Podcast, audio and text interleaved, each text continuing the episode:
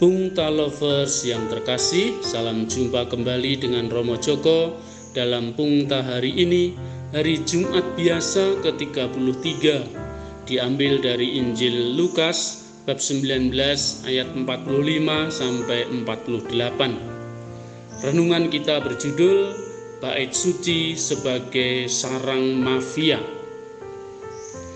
Kalau kita melihat film Godfather yang dibintangi Marlon Brando, kita akan mengenal sepak terjang mafia, kelompok bandit atau perampok yang terkenal di Italia. Di negara itu banyak kelompok mafia.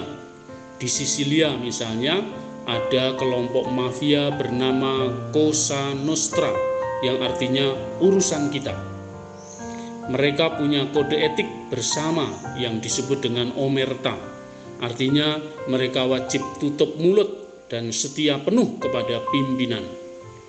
Pimpinan Cosa Nostra yang terkenal adalah Salvatore Totorina. Dialah yang menjadi godfathernya.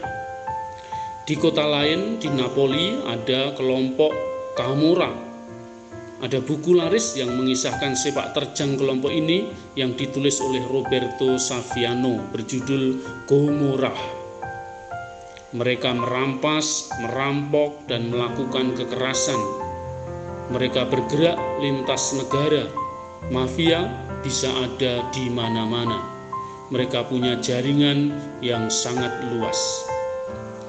Dalam film kadang-kadang gereja digunakan untuk tempat berbagi informasi, juga tempat transaksi yang aman. Kita kadang melihat dalam sequel di film itu terlihat kamar pengakuan dipakai untuk penyamaran dan saling berbagi pesan para informan karena di situ aman. Misalnya dalam film Robin Hood, perampok yang baik hati itu di sana malah ada anggotanya seorang imam yang gendut dan botak. Pungta lovers yang terkasih, Yesus bersabda, Rumahku adalah rumah doa, tetapi kamu menjadikannya sarang penyamun. Yesus mengulang kembali nubuat dua nabi besar yaitu Yesaya dan Yeremia. Yesaya menubuatkan bahwa Tuhan akan memenuhi janji-janji keselamatannya di masa depan. Tetapi keselamatan harus disertai dan ditanggapi dengan cara hidup yang benar dan adil. Umat harus taat terhadap hukum, hidup dalam kebenaran, keadilan, kesetiaan, dan cinta kasih. Keselamatan Tuhan ditawarkan kepada segala bangsa, dengan menyebut rumah doa bagi segala bangsa, Allah menegaskan kehadirannya untuk segala bangsa di muka bumi. Di samping itu, Allah membuka rumahnya tidak hanya untuk orang Israel, melainkan juga untuk seluruh bangsa di bawah kolong langit ini. Nabi Yeremia prihatin melihat kondisi umat Israel saat itu Sudahkah menjadi sarang penyamun di matamu rumah yang atasnya namaku diserukan ini?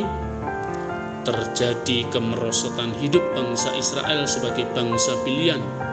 Mereka tidak lagi hidup berdasarkan hukum dan perintah Allah, tetapi sebaliknya mereka malahan mencuri, membunuh, berzina, bersumpah palsu, membakar kurban kepada Baal, mengikuti allah-allah yang lain.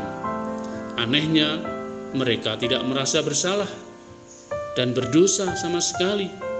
Malahan mereka datang ke hadapan Allah untuk mempersembahkan korban dan merasa yakin bahwa mereka pasti diselamatkan.